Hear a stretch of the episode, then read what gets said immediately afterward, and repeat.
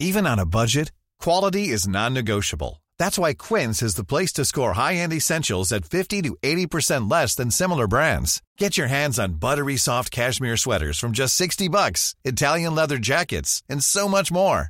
And the best part about Quince, they exclusively partner with factories committed to safe, ethical, and responsible manufacturing. Elevate your style without the elevated price tag with Quince. Go to quince.com slash upgrade for free shipping and 365-day returns. Quality sleep is essential. That's why the Sleep Number Smart Bed is designed for your ever-evolving sleep needs. Need a bed that's firmer or softer on either side? Helps you sleep at a comfortable temperature? Sleep Number Smart Beds let you individualize your comfort so you sleep better together. JD Power ranks Sleep Number number 1 in customer satisfaction with mattresses purchased in-store. And now, save 50% on the Sleep Number limited edition Smart Bed for a limited time. For JD Power 2023 award information, visit jdpower.com/awards. Only at a Sleep Number store or sleepnumber.com. Many of us have those stubborn pounds that seem impossible to lose, no matter how good we eat or how hard we work out. My solution is PlushCare. PlushCare is a leading telehealth provider with doctors who are there for you day and night to partner with you in your weight loss journey. They can prescribe FDA-approved weight loss medications like Wagovi and Zepbound for those who qualify. Plus, they accept most insurance plans. To get started, visit plushcare.com slash weight loss. That's plushcare.com slash weight loss.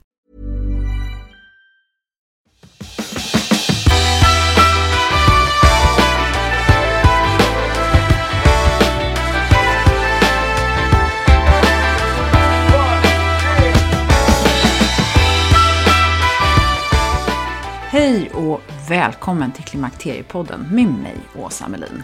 Det här är det 88 avsnittet och du kanske är den 500 000 lyssnaren om du hör det här precis nu när avsnittet precis har släppts. Ganska häftigt om du frågar mig. Det är otroligt vilket behov det finns av kunskap och jag är så glad att jag tog chansen att göra den här podden.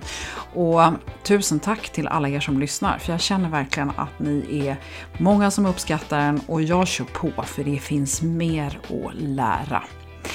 Den 13 juni så finns jag på Pistill i Stockholm och eh, då ska vi prata om lust och eh, vi bjuder på den här kvällen med lite härligt mingel och lite rosé och fina goodiebags och så vidare. Så se mer information om det på Klimakteriepoddens Facebook-sida om du är intresserad. Och du som inte kan komma till Stockholm är ändå inte lottlös för det finns också ett fin möjlighet till rabatter på hela Pistills sortiment i anslutning till den 13 juni. Kolla in Facebook alltså, där har du alla detaljer. Dagens gäst har varit med tidigare och som legitimerad psykolog och docent vid Karolinska institutet i Stockholm med erfarenhet av stress och forskning på området så har Anders Tengström väldigt mycket att komma med. Stress känns som roten till allt ont och jag får så många frågor kring det här. Så här kommer ett fullmatat avsnitt med många insikter och svar, så välkommen att lyssna.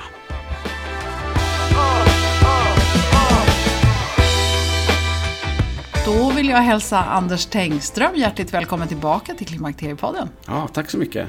Vi hade ett väldigt intressant samtal eh, i avsnitt 37. Och har man inte hört det så tycker jag absolut att man ska lyssna på det. Och vi ska eh, absolut inte tvinga folk att göra det för att kunna hänga med i det här avsnittet. Utan det här ska bli ett, eh, av, ja, ett avskärmat avsnitt kan man mm. väl säga. Men mm. börja med att presentera dig Anders, du är en intressant person. Jag sa, det vet jag inte, men jag heter Anders Tengström i alla fall och är psykolog, har varit i många år. Och eh, har varit eh, och är forskare på Karolinska institutet och har jobbat mycket med forskning, klinisk forskning då runt ungdomar och psykisk ohälsa, eh, beroendefrågor mycket. Eh, så att det är väl jag eh, i korthet och sen så har jag nu på senare år också jobbat mycket med stress, både kliniskt då som psykolog och i, andra sammanhang för att då, ja, som jag sa tidigare, utveckla verk verktyg för att kunna hjälpa människor att eh, stressa mindre. Mm. Och det är det vi ska prata om idag, för att en sak som står oerhört klart är ju att stressen är lite grann roten till allt ont när det gäller klimakteriet. Mm. Mycket av stresssymptomen är ju samma typ av stresssymptom som hormonobalansen ger i kroppen. Just det. Och då tänker jag att vi behöver ju ta, ta, ta tag i det här. Vi behöver ju som börja på något sätt från början. För att om man nu bestämmer sig för att man ska må lite bättre i sitt klimakterium och balansera upp sin kropp så kan man mm. göra massor med saker och man kan ta tag i kost och, och försöka sova bättre och sådär. Mm. Men ingenting funkar särskilt bra om kroppen är laddad med stress. Så kan vi börja med att, prata om vad stress är? Ja, eh, och stress då eh, så att vi alla är överens om vad stress är egentligen så, så ska vi då, får vi gå till, till botten med det och säga då att stress är en naturlig försvarsmekanism som alla människor har. Den är djupt inkodad i hjärnan och naturligtvis kommer den från vår tid på savannen. Våra förfäder sprang runt där och var lika mycket bytesdjur som jägare. Och i den situationen fanns ju ett behov av att kunna hantera faror på ett sätt som gjorde att man överlevde när lejonen anföll och ville äta upp en till lunch så var man ju tvungen att reagera på något sätt. Annars så går det inte så bra. Och då har ju då människokroppen och våra förfäder genom årmiljonerna utvecklat det vi idag kallar stressresponsen. Vilket är en försvarsmekanism som ska hjälpa människan till fysisk överlevnad när det finns yttre faktiska hot som hotar den. Och för att lyckas med detta då så har kroppen då kommit upp med det vi som idag kallar stressresponsen. Som gör att kroppen på väldigt kort tid, vi pratar om delar av sekunder, mobiliserar eh, all tillgänglig energi kan man säga för att kunna åstadkomma en maximal fysisk ansträngning här och nu när lejonen anfaller inom en sekund. Då. Och då förstår alla att det här är en respons som är eh, väldigt snabb och explosiv i sitt sätt att fungera. Och eh, så fort det här hotet är borta, det fysiska hotet, antingen har man då sprungit ifrån lejonet eller så har man slagit ihjäl lejonet och, och på något sätt överlevt. Och har man inte överlevt så spelar det ju ingen roll. Mm. Men har man då överlevt eh, så har ju stressresponsen gjort sitt värv och går ner. Kroppen går då ner till eh, Eh, en ny, det återställs då till den gamla fasen och en återhämtningsperiod börjar när man så att säga, återställer sig själv från den här maximala fysiska ansträngningen. Och alla vet ju hur det här funkar, att man när det blir ett pressat läge, att man känner sig starkare och mer alert och mera på tå. Det är ju stressresponsen som förmår människokroppen till maximal fysisk prestation under ett kort ögonblick. Och då kan ju den här stresspåslaget kännas väldigt positivt. Absolut, det är ju, man är ju Hulken.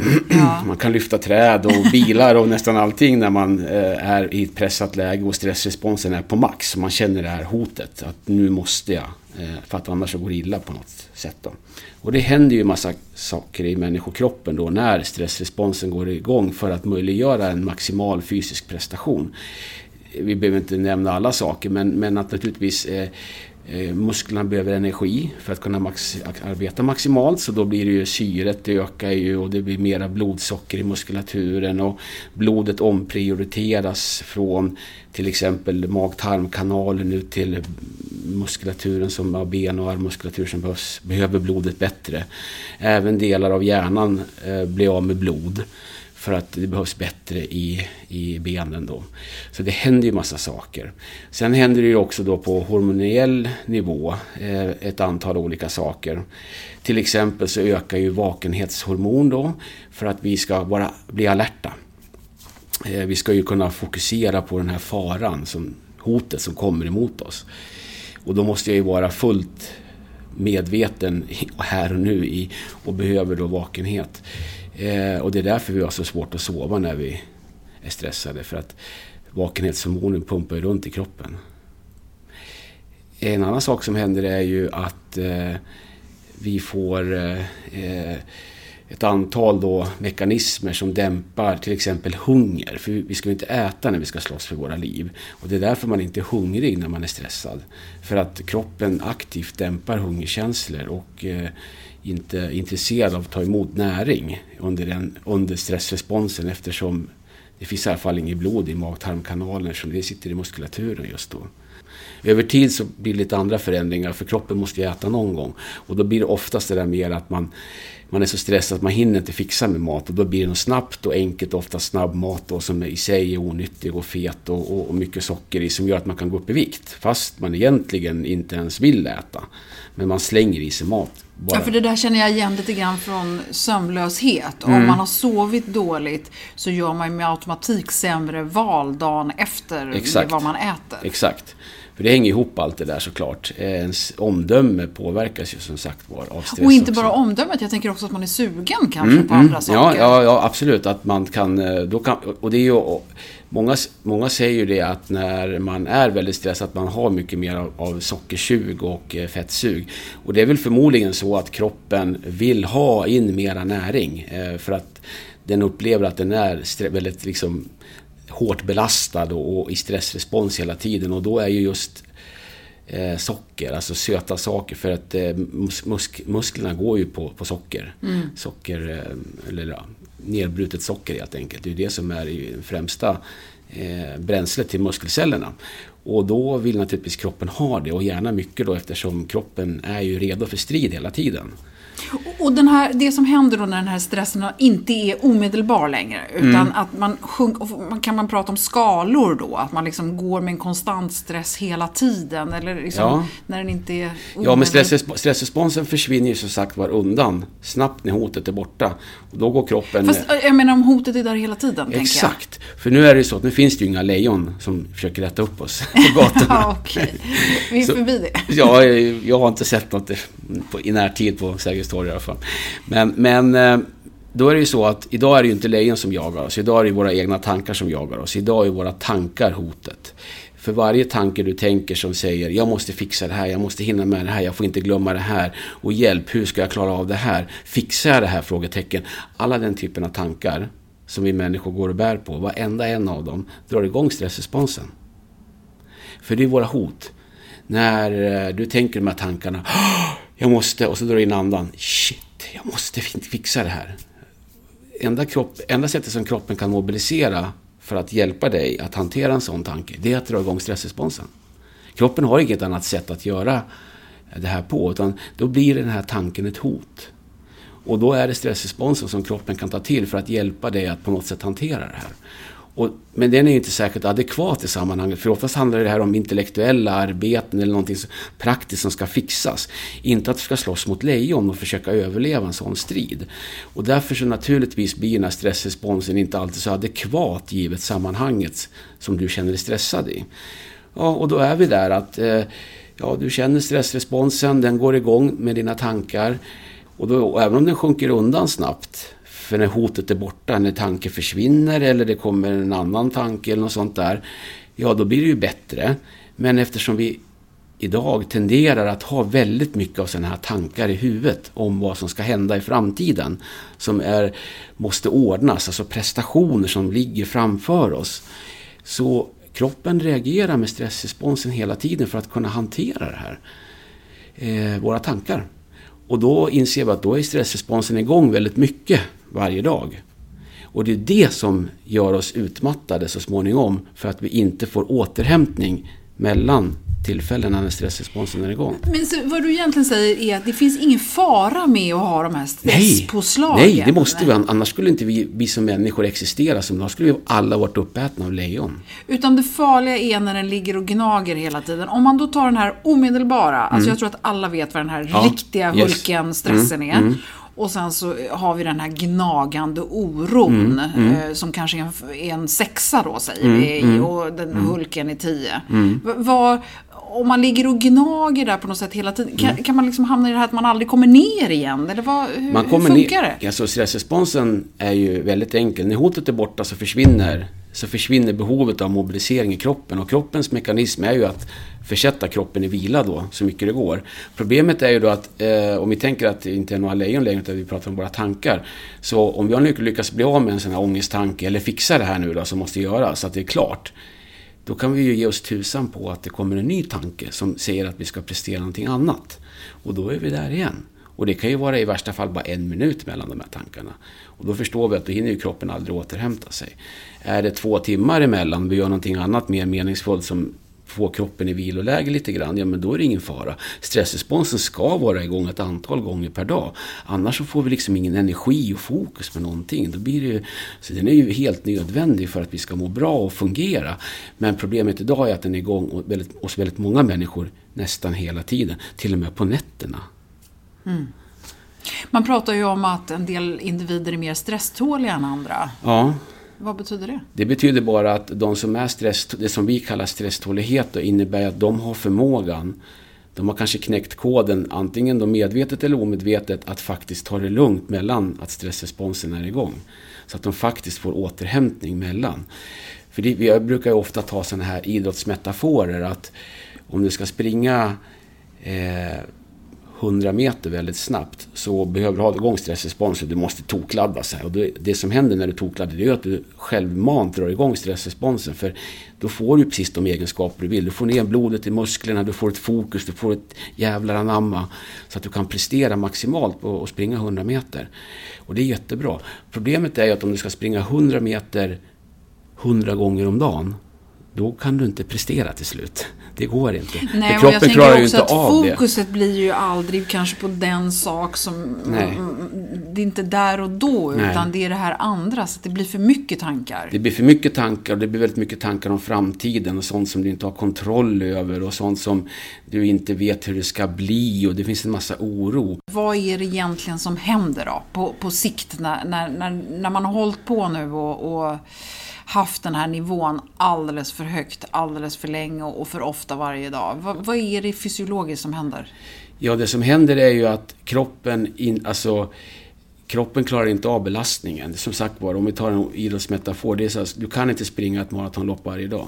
Det Nej. går inte. Alltså, Och, och vad, kroppen vilka sönder funktioner är det då som liksom pajar ihop? Det är ju framförallt, det är ju framförallt eh, de mentala funktionerna som påverkar så mycket så att du inte klarar av vardagslivet längre. Du, du blir ju alltså, du får massa ångest, du blir deprimerad, du klarar inte, du har ingen minne, du, din, dina, du har ett, ett humör som är bedrövligt för omgivningen för du blir arg för ingenting och blir ledsen för ingenting. Och du kan inte strukturera ditt liv och planera för den delen av hjärnan som sköter om de funktionerna har inget blod. För det är bortdraget eftersom stressresponsen ligger på hela tiden. Så att du blir, till slut så fungerar ju inte i din kropp fungerar inte i vardagslivet, ditt intellekt fungerar inte i vardagslivet längre. Du fungerar inte som människa i den meningen att du känner igen dig själv som du var tidigare. Det är någon annan person som är det här. Och allt det här är ju symptom då som, och signaler som kroppen skickar ut. Att, den att det är för hög belastning. Och fortsätter det här över tid så är det ju så sagt då går vi ner i den här stressgropen där vi någonstans då bara pratar om att gå, i, gå in i väggen eller utmattningssyndrom och sådana här saker. Eh, och det är ju kroppens sista försvar att inte dö. Det är ju att lägga sig ner och sluta prestera. Och hur kommer man upp ur, även om man inte hamnat hela vägen ner i gruppen, utan Mm. man ändå har liksom långvarigt haft för mycket stress. Hur, hur lång tid tar det? För du sa att den här omedelbara stressen, den försvinner ur kroppen nästan lika snabbt som den kommer. Som den kommer, ja, precis. Eh, ja, och i, ofta så tar det ju flera år från en människa som presterar på sin optimala nivå, om man får säga så, som har en hyfsad balans mellan prestationer och, och eh, förmåga att prestera. Där man har någon slags balans på något sätt. Sen om det där, om vågen nu börjar tippa över att man, man så att säga presterar mer än vad riktigt man klarar av. Eh, då, det tar då ett, oftast flera år innan man är nere i den här berömda stressgropen. Eh, och det kan gå mycket snabbare beroende på vilka omständigheter som finns runt omkring en. Men ett normalläge är ett par år från att man börjar tulla på reserven, om man får säga så, till att och, eh, någonstans där ganska snart börjar symptomen komma. Fast de ignorerar man ju oftast eh, som människa och säger ja, men det där går över, det är, något, det är något konstigt bara nu sådär. Så, så det är ingenting som jag behöver bry mig om. Utan jag fortsätter, det är massa spännande saker som ska hända i mitt liv. Så jag, jag, jag plöjer på liksom och presterar hela tiden. Men kroppen skickar starkare och starkare signaler om att det här beteendet inte är okej, för jag, kroppen orkar inte med. Så någonstans så blir det ju för mycket. Och de flesta upptäcker det där innan de springer rakt in i väggen. Sen, sen om man klarar av att sluta i tid eller om man verkligen slår in huvudet i väggen, det är lite olika. Men många, när jag jobbar som psykolog så är det många som ringer mig och säger att eh, de berättar att de har panikångest och har fått det helt plötsligt. De har aldrig haft det hela sitt liv, de har aldrig upplevt några ångestproblem tidigare. Men nu har de panikångest och tror att de ska dö. Och de har förstått det som de har varit hos, på akuten ofta och hos en läkare och sagt De har sagt att nej, du kommer inte att dö, det är inget fel på ditt hjärta. Liksom. Utan det här är sannolikt stress och ång, alltså stress, stressinducerad ångest. Och det har de ingen aning om vad det är. Så då ringer de och pratar med mig och då får jag förklara för dem att nej, du ska inte dö. Utan det här är, är en stressreaktion. Och du har ju gått i stress nu ganska länge, inser vi när vi börjar bena bakåt i vilka symptom som finns och sådär. Och det har, kan ju som jag sa, pågått flera år i värsta fall. Och de har en liten bit kvar innan de springer rakt in i väggen, men de är ganska nära. Och de här, bara kort, de här symptomen som ja. man ska ta på allvar. Det är sömnstörningar, det är oro, mm. det är...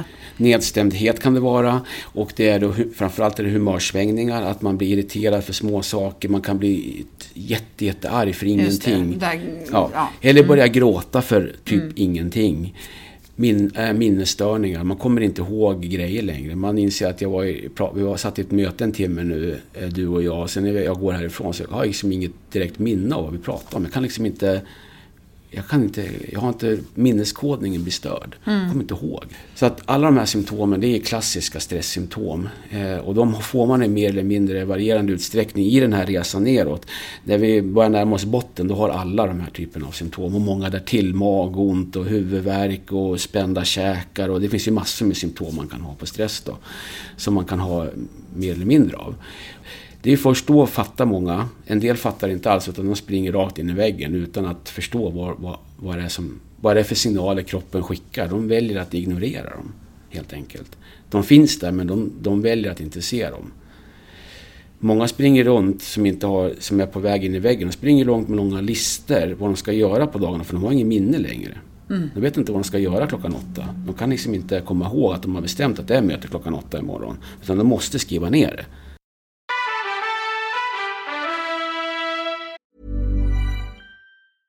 Quality sleep is essential. That's why the Sleep Number Smart Bed is designed for your ever evolving sleep needs. Need a bed that's firmer or softer on either side? Helps you sleep at a comfortable temperature? Sleep Number Smart Beds let you individualize your comfort so you sleep better together. JD Power ranks Sleep Number number 1 in customer satisfaction with mattresses purchased in-store. And now, save 50% on the Sleep Number limited edition Smart Bed for a limited time. For JD Power 2023 award information, visit jdpower.com/awards. Only at a Sleep Number store or sleepnumber.com.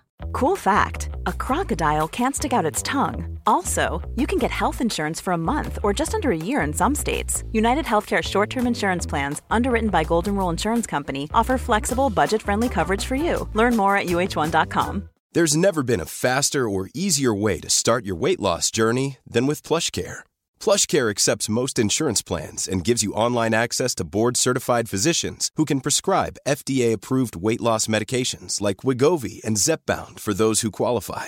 Take charge of your health and speak with a board-certified physician about a weight loss plan that's right for you. Get started today at plushcare.com slash weight loss. That's plushcare.com slash weight loss. plushcare.com slash weight loss.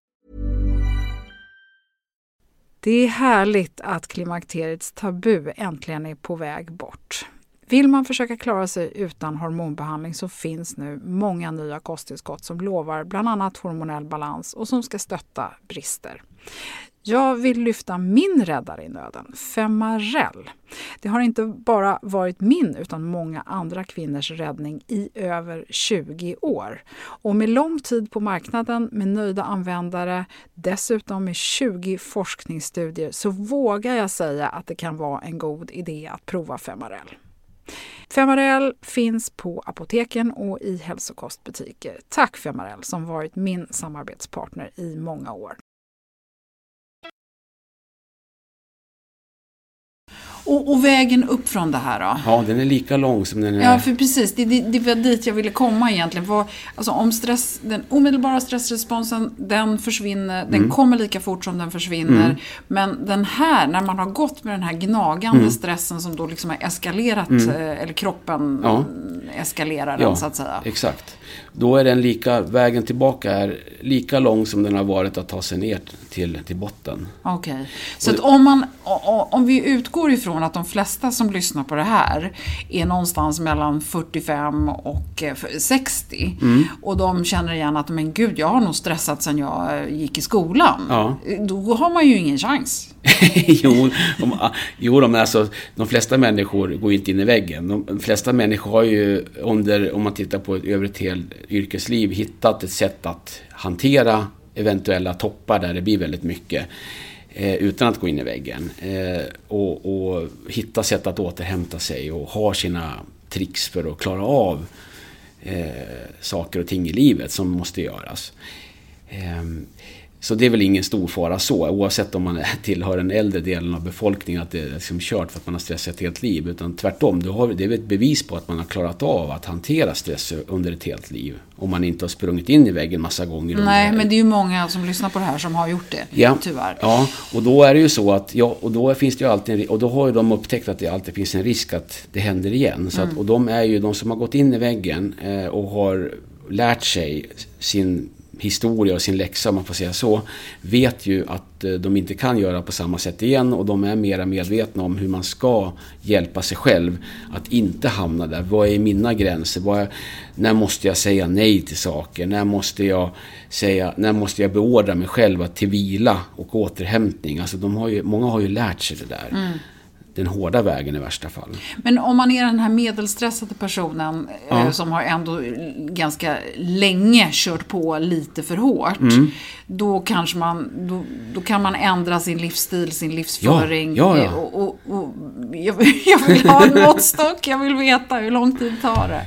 Om, om, ja, det tar ju, om man har väldigt mycket av de här symptomen. För det är ju folk som är, har gått in i väggen eller är väldigt nära väggen. De vill ju bli av med sina symptom. De vill inte ha ångest längre. De vill vill inte vara nedstämda. De vill inte ha det här humöret. För de känner inte igen sig själva i det. De vet ju hur de var innan det här började.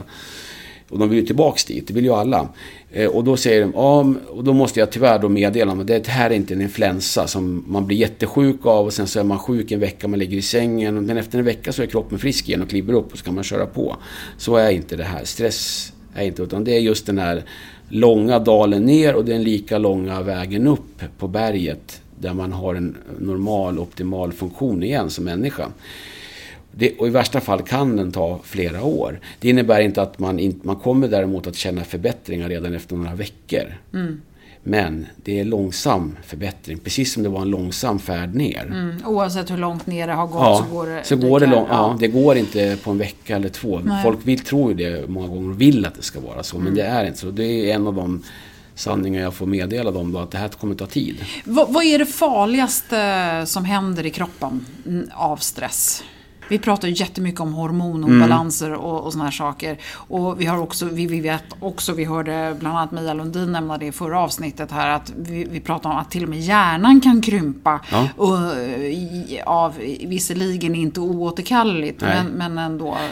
Ja, nej, kroppen med hjärnan då, det här är ju oftast, man kan ju kalla det att det är en hjärnsjukdom på det sättet. Den, eh, den reagerar ju på allt som vi utsätter människokroppen för. Och till och med bygger om sig själv då, då eh, utifrån de livsförutsättningar som kroppen exponeras för. Så byggs hjärnan om för att kunna hantera det här.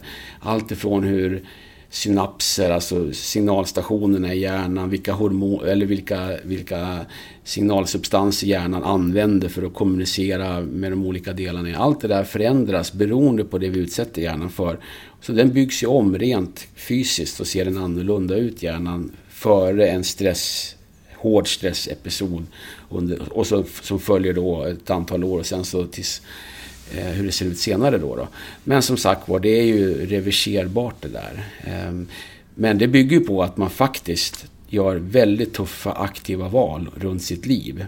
Om hur man ska leva sitt liv. Ehm, för om man bara fortsätter, det är ungefär som med om vi tänker eh, en person som har missbrukat alkohol under många år, då är också hjärnan ombyggd. Och det tar ju många år för en, en, en alkoholist att helt släppa alkohol och förhålla sig till alkohol som att det vore vad som helst. Mm.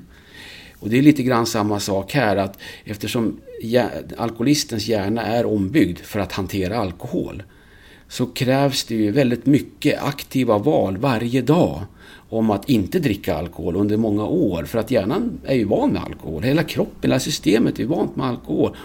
Och det är samma sak med stress eller någonting annat. Exponerar vi kroppen för de här omständigheterna under lång tid så, så, så blir det en stresskropp, en stresshjärna. Och det tar lång tid innan, den, innan vi kan ha det vi kallar då normal funktion, det vill säga jag är mig själv igen.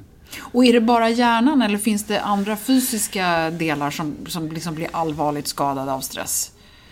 Eh, nej, in, eh, nej, egentligen inte. Utan det är ju framförallt en hjärnsjukdom. Ja, ja. Okej, okay. så mm. att liksom det här med tarmar och det här med blodet och så här. Nej, nej, det, är ju, det, det, styrs ju av, av stressresponsen helt okay. och hållet. Och det här med signalsubstanser och hormoner, det lugnar ner sig? Ja, om man ja, bara ja. kan få kontroll över hjärnan? Ja, om hjärnan börjar exponeras för nya omständigheter som inte stressar oss, ja. så kommer hjärnan att börja anpassa sig till det.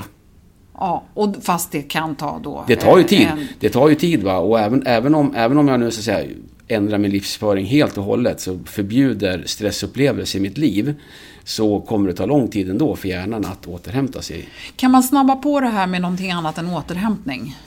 Ja, alltså man måste ju, som jag sa då, precis som alkoholist, varje dag få göra aktiva val om vad man, hur man ska välja att leva sitt liv. Ska jag, gå, ska jag dricka eller ska jag inte dricka? Om jag inte ska dricka, vad ska jag göra då? Eh, måste vi börja tänka eh, runt oss själva på det sättet. Så att varje val vi gör varje dag om våra liv och vad dagen ska innehålla gör smarta val runt oss själva utifrån stressperspektivet. Så att vi ser till att vi får återhämtning i pauser varje dag. Eh, inte bara att vi, vi ser till att vi ska sova gott på kvällen utan vi måste ha återhämtning löpande. Vi måste låta stressresponsen sjunka undan även under dagtid. Så att det inte blir 5000 stresstankar under en arbetsdag eller en vaken period. Och sen ska jag sova, för då ska jag återhämtning. Men vi människor funkar inte så. Vi måste ha vila under vår vakentid också. Men finns det inga, alltså när man får hjärtinfarkt och såna här saker. Du säger att egentligen så det är bara hjärnan som... som... Nej, men alltså, det, nej, inte, inte på det sättet. Nej, alltså, man kan ju bli, man kan få hjärtinfarkt av stress, det kan man få. Men, alltså, men då är det ju för att kroppen är så extremt belastad att den är på väg att dö. Och för att den har inte fått återhämtning och nu ska den prestera ett maratonlopp till här och det klarar inte hjärtat av då i värsta fall eller något annat system i kroppen. Ja, okej. Okay. Ja. Jag träffade en väninna för ett tag sedan som varit sjukskriven en längre tid för utmattningssyndrom. Hon eh, började så smått komma tillbaka till jobbet och så berättade hon att hon upplevde att det var otroligt stressande att vara sjukskriven. Mm. För det i sig är en deadline. Mm. Eh, och då var det lite så här, dels var det svårt att förstå reglerna för sjukskrivningen och sen så, ja, hon beskrev sin hjärna då som var lite sirapslik. Vad har du för erfarenheter och råd kring just det? Ja, men jag känner igen berättelsen från, från din väninna. Eh, nästan alla personer som är sjukskrivna för stress eh, har ju en kamp med Försäkringskassan och med sjukskrivande läkare om tider och eh, hur länge och under vilka förutsättningar och eh, sjukskrivningsgrad och sådana saker. Eh, och många beskriver att speciellt om man har varit under rehabilitering ett tag, att ja, men nu känner jag mig bättre. Det som stressar mig nu är att allt krig med läkare och försäkringskassa. För man har inte kontroll över hur länge, som, som din väninna säger, hur länge man är sjukskriven och eh, under vilka premisser. Utan man vet att man har ett sjukintyg på två veckor och sen så måste man på något sätt försöka fixa längre tid. Och då måste man på något sätt hitta en läkare som är beredd att sjukskriva lite längre. Och sen så, för läkarna är ju under strikta order från Försäkringskassan att dra ner på sjukskrivningarna. Och de, eh, Försäkringskassan eh, har ju börjat tillämpa sina regler mycket, mycket hårdare nu de sista åren. Och godkänner mycket färre av längre sjukskrivningar som läkare normalt sett har fått igenom tidigare. Så läkarna idag törs ju inte skriva ut långa, längre sjukintyg eftersom de, Försäkringskassan inte godkänner dem. Utan bara skickar tillbaka det här godkänner vi inte. Så måste det bli massa administration där och krångel för läkarna. Så då, läk, då safear ju läkaren genom att bara skriva några veckor. För det får de igenom. Men det innebär ju att den som är sjukskriven som sagt inte vet om de kommer att vara sjukskriven om två veckor. I värsta. Alltså, det, det låter ju helt absurt. Ja, men det är verkligheten. Den möter jag varje dag när jag jobbar med människor som är utbrända. Och jag pratar mycket med läkare som tycker det är hopplöst svårt också att försöka hjälpa människor. men för liksom jakten på en läkare, det blir ju nästan så här, eh, jag tänker att man kan, skulle kunna hamna i någon slags mutsystem här. Ja, makten ligger ju tyvärr inte hos läkarna så det är svårt att muta dem för att... Jaha, de- okej, så, ja, okej, så det finns säkert Det är system. nog Försäkringskassan som ska Ja, muta i okej. sådana fall. Ja, ja. Eh, nej, utan läkarna gör nog så gott de kan. De ser ju, de träffar ju patienterna och ser ju att de här människorna är inte kapabla att återgå till arbete. Jag menar, duktiga läkare se, kan ju se det hur lätt som helst. Men det här är tufft på riktigt. Ja. Eh, det är ett systemfel som faktiskt gör att människor som är under rehabilitering tvingas förlänga sin rehabilitering för att de inte känner trygghet i rehabiliteringsprocessen när det gäller sjukskrivningsfrågan. Och om du, om du är stressad på grund av sjukskrivningsfrågan när du ska rehabilitera dig. All annan stress kan du vila ifrån. Men du kan inte vila från det här. Då, då kommer det ta längre tid. Så det blir, det blir väldigt paradoxalt det här. Ja, för det låter ju som att enda sättet att få upp ersättningsnivån sen dessutom, det är att börja jobba igen. Ja, men så är det ju. Så att, alltså, det låter ju som en, en väl, precis som du säger, det låter verkligen som ett systemfel. Mm. Men hur blir man frisk? För jag har ju förstått nu att det är ju inte bara att lägga sig ner och vila. Nej, tyvärr inte. eller ja, bilar vila är ju viktigt i början. Jag brukar, personer som är väldigt nära väggen eller precis nu som jag säger åt, du måste sjukskriva dig för att nu är, du- nu är du förmodligen nu. Jag kan, det är inte alltid så lätt att avgöra med ett telefonsamtal bara, men en, då åtgärden är så här, sjukskriv dig. Du måste sjukskriva dig. Eh, dina första, bara första vecka som du själv kan sjukskriva dig. För nu måste du vila. Så första åtgärden är alltid vila. Att gå och lägga kroppen så att den får vila. Eh, men sen efter, bara efter någon vecka, lite grann beroende på hur, hur man mår, så börjar jag se åt patienten att nej, men nu måste du börja aktivera dig. Nu har du fått vila, du har sovit nu, du börjar kännas, du börjar få tillbaks, du börjar kunna landa lite grann på jorden, även om du inte mår bra på något sätt. Så är det ändå dags att börja aktivt rehabilitera dig. Och då är det ju små saker. Då pratar vi om rörelse. Vi- Du, måste, du, ska ta, du ska promenera. Minst en timme varje dag uppdelat på två omgångar. Och, och sen så har du kanske en uppgift till att eh, göra några aktiva saker. Du kanske ska se till att eh, du ska diska. Eller någonting konkret så att inte bara Nej, inte dagen bara kraschar och liksom allting kraschar hemma vid. Utan, men man har ingen, man ska inte, bara, man ska inte prestera massa saker utan det ska vara små saker. Sakta, sakta. sakta, sakta. Och så mycket som möjligt ska ju vara lustfyllt i den meningen att det här är, det här är någonting som jag faktiskt tycker är kul. Eh, och man kanske inte kan koncentrera sig på att läsa en bok, förmodligen inte, men man kanske kan göra något handarbete eller man kanske kan sortera kläderna i garderoben eller någonting som är lite lustfyllt, inte bara en prestation utan ändå någonting som har någon slags mening för mig. Det är också viktigt. För det är precis sådana aktiviteter man måste, vi måste i den situationen börja göra mer av längre fram. Det vill säga saker som ger mig återhämtning, för det är det jag har skippat under kanske flera år.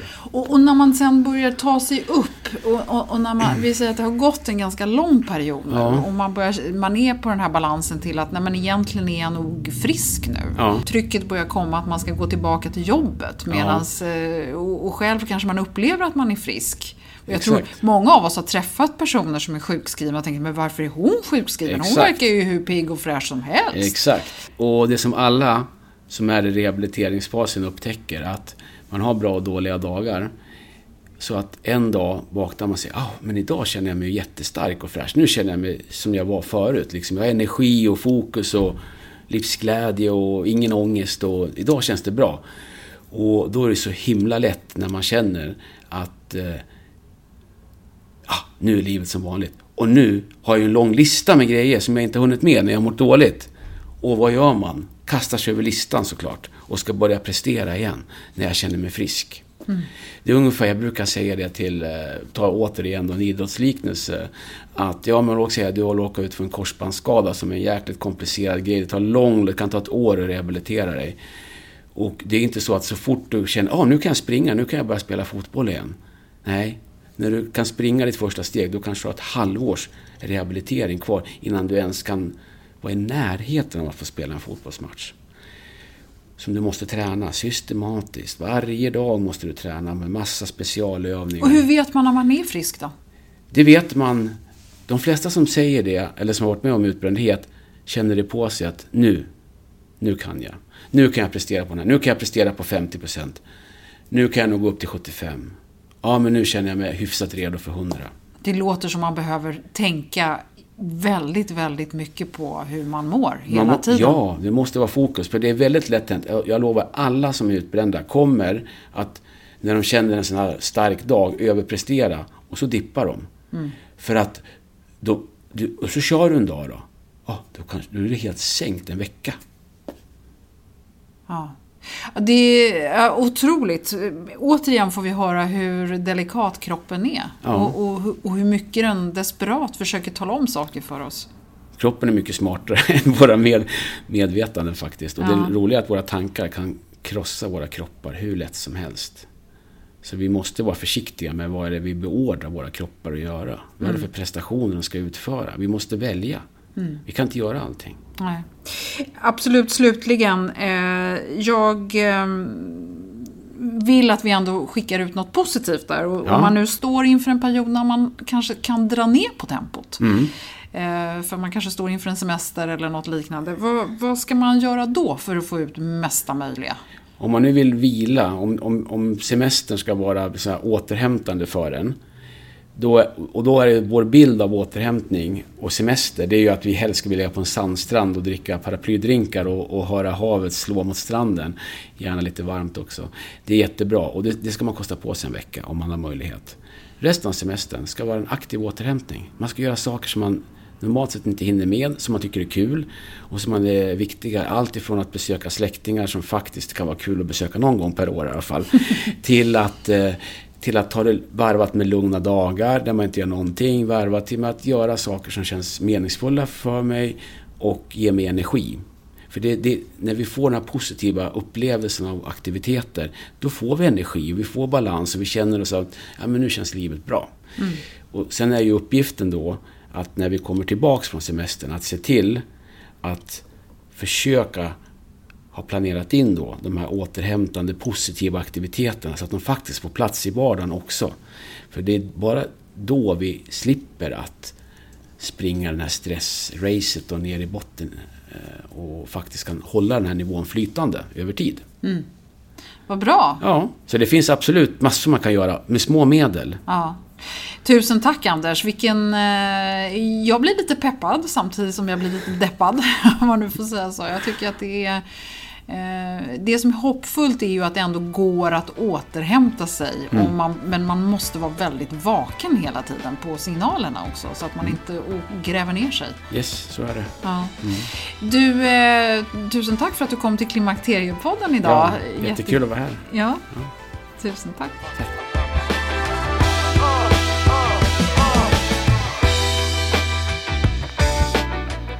Ja, där har du det. Det finns alltså inga genvägar och det är läge att fundera på vilka signaler som ska tas på allvar och ta tag i det här med ambitionen och återhämtningen.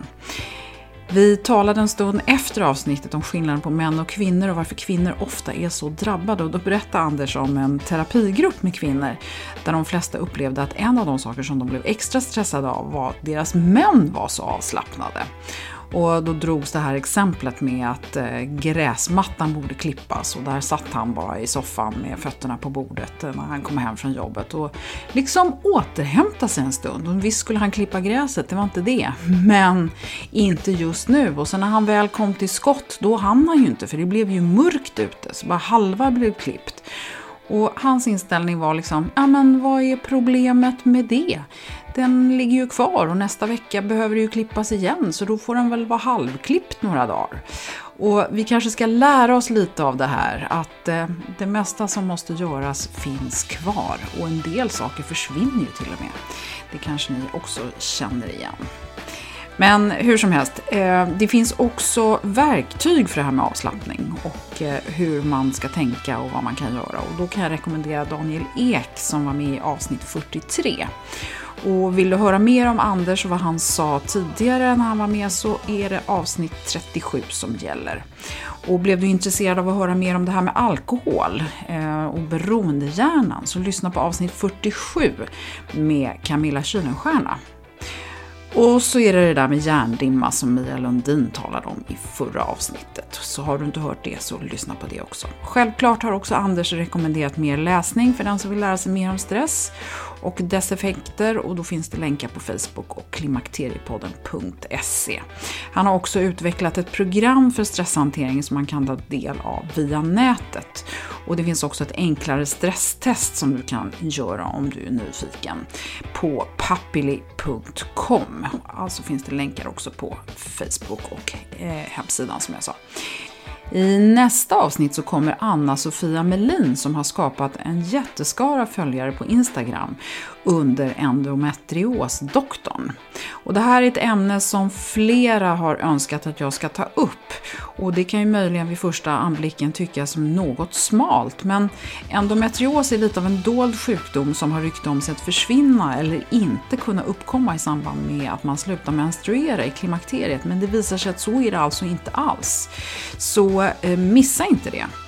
Tack för att du har lyssnat så här långt, för det blev långt idag. Men jag hoppas att du tyckte att det var väl värt det och är med snart igen. Tusen tack. Hej då!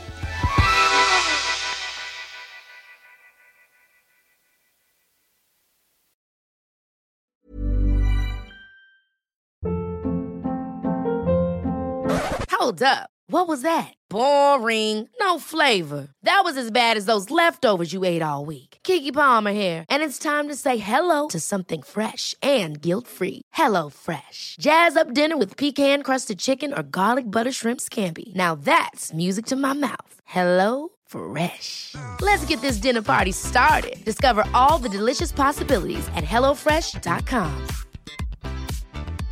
Hey, it's Paige DeSorbo from Giggly Squad. High quality fashion without the price tag. Say hello to Quince. I'm snagging high-end essentials like cozy cashmere sweaters, sleek leather jackets, fine jewelry, and so much more. With Quince being 50 to 80% less than similar brands. And they partner with factories that prioritize safe, ethical, and responsible manufacturing. I love that. Luxury quality within reach. Go to quince.com slash style to get free shipping and 365 day returns on your next order. Quince.com slash style. Imagine the softest sheets you've ever felt. Now imagine them getting even softer over time. That's what you'll feel with Bowl and Branch's organic cotton sheets. In a recent customer survey, 96% replied that Bowl and Branch sheets get softer with every wash. Start getting your best night's sleep in these sheets that get softer and softer for years to come. Try their sheets with a 30-night guarantee. Plus, get 15% off your first order at bowlandbranch.com. Code BUTTERY. Exclusions apply. See site for details.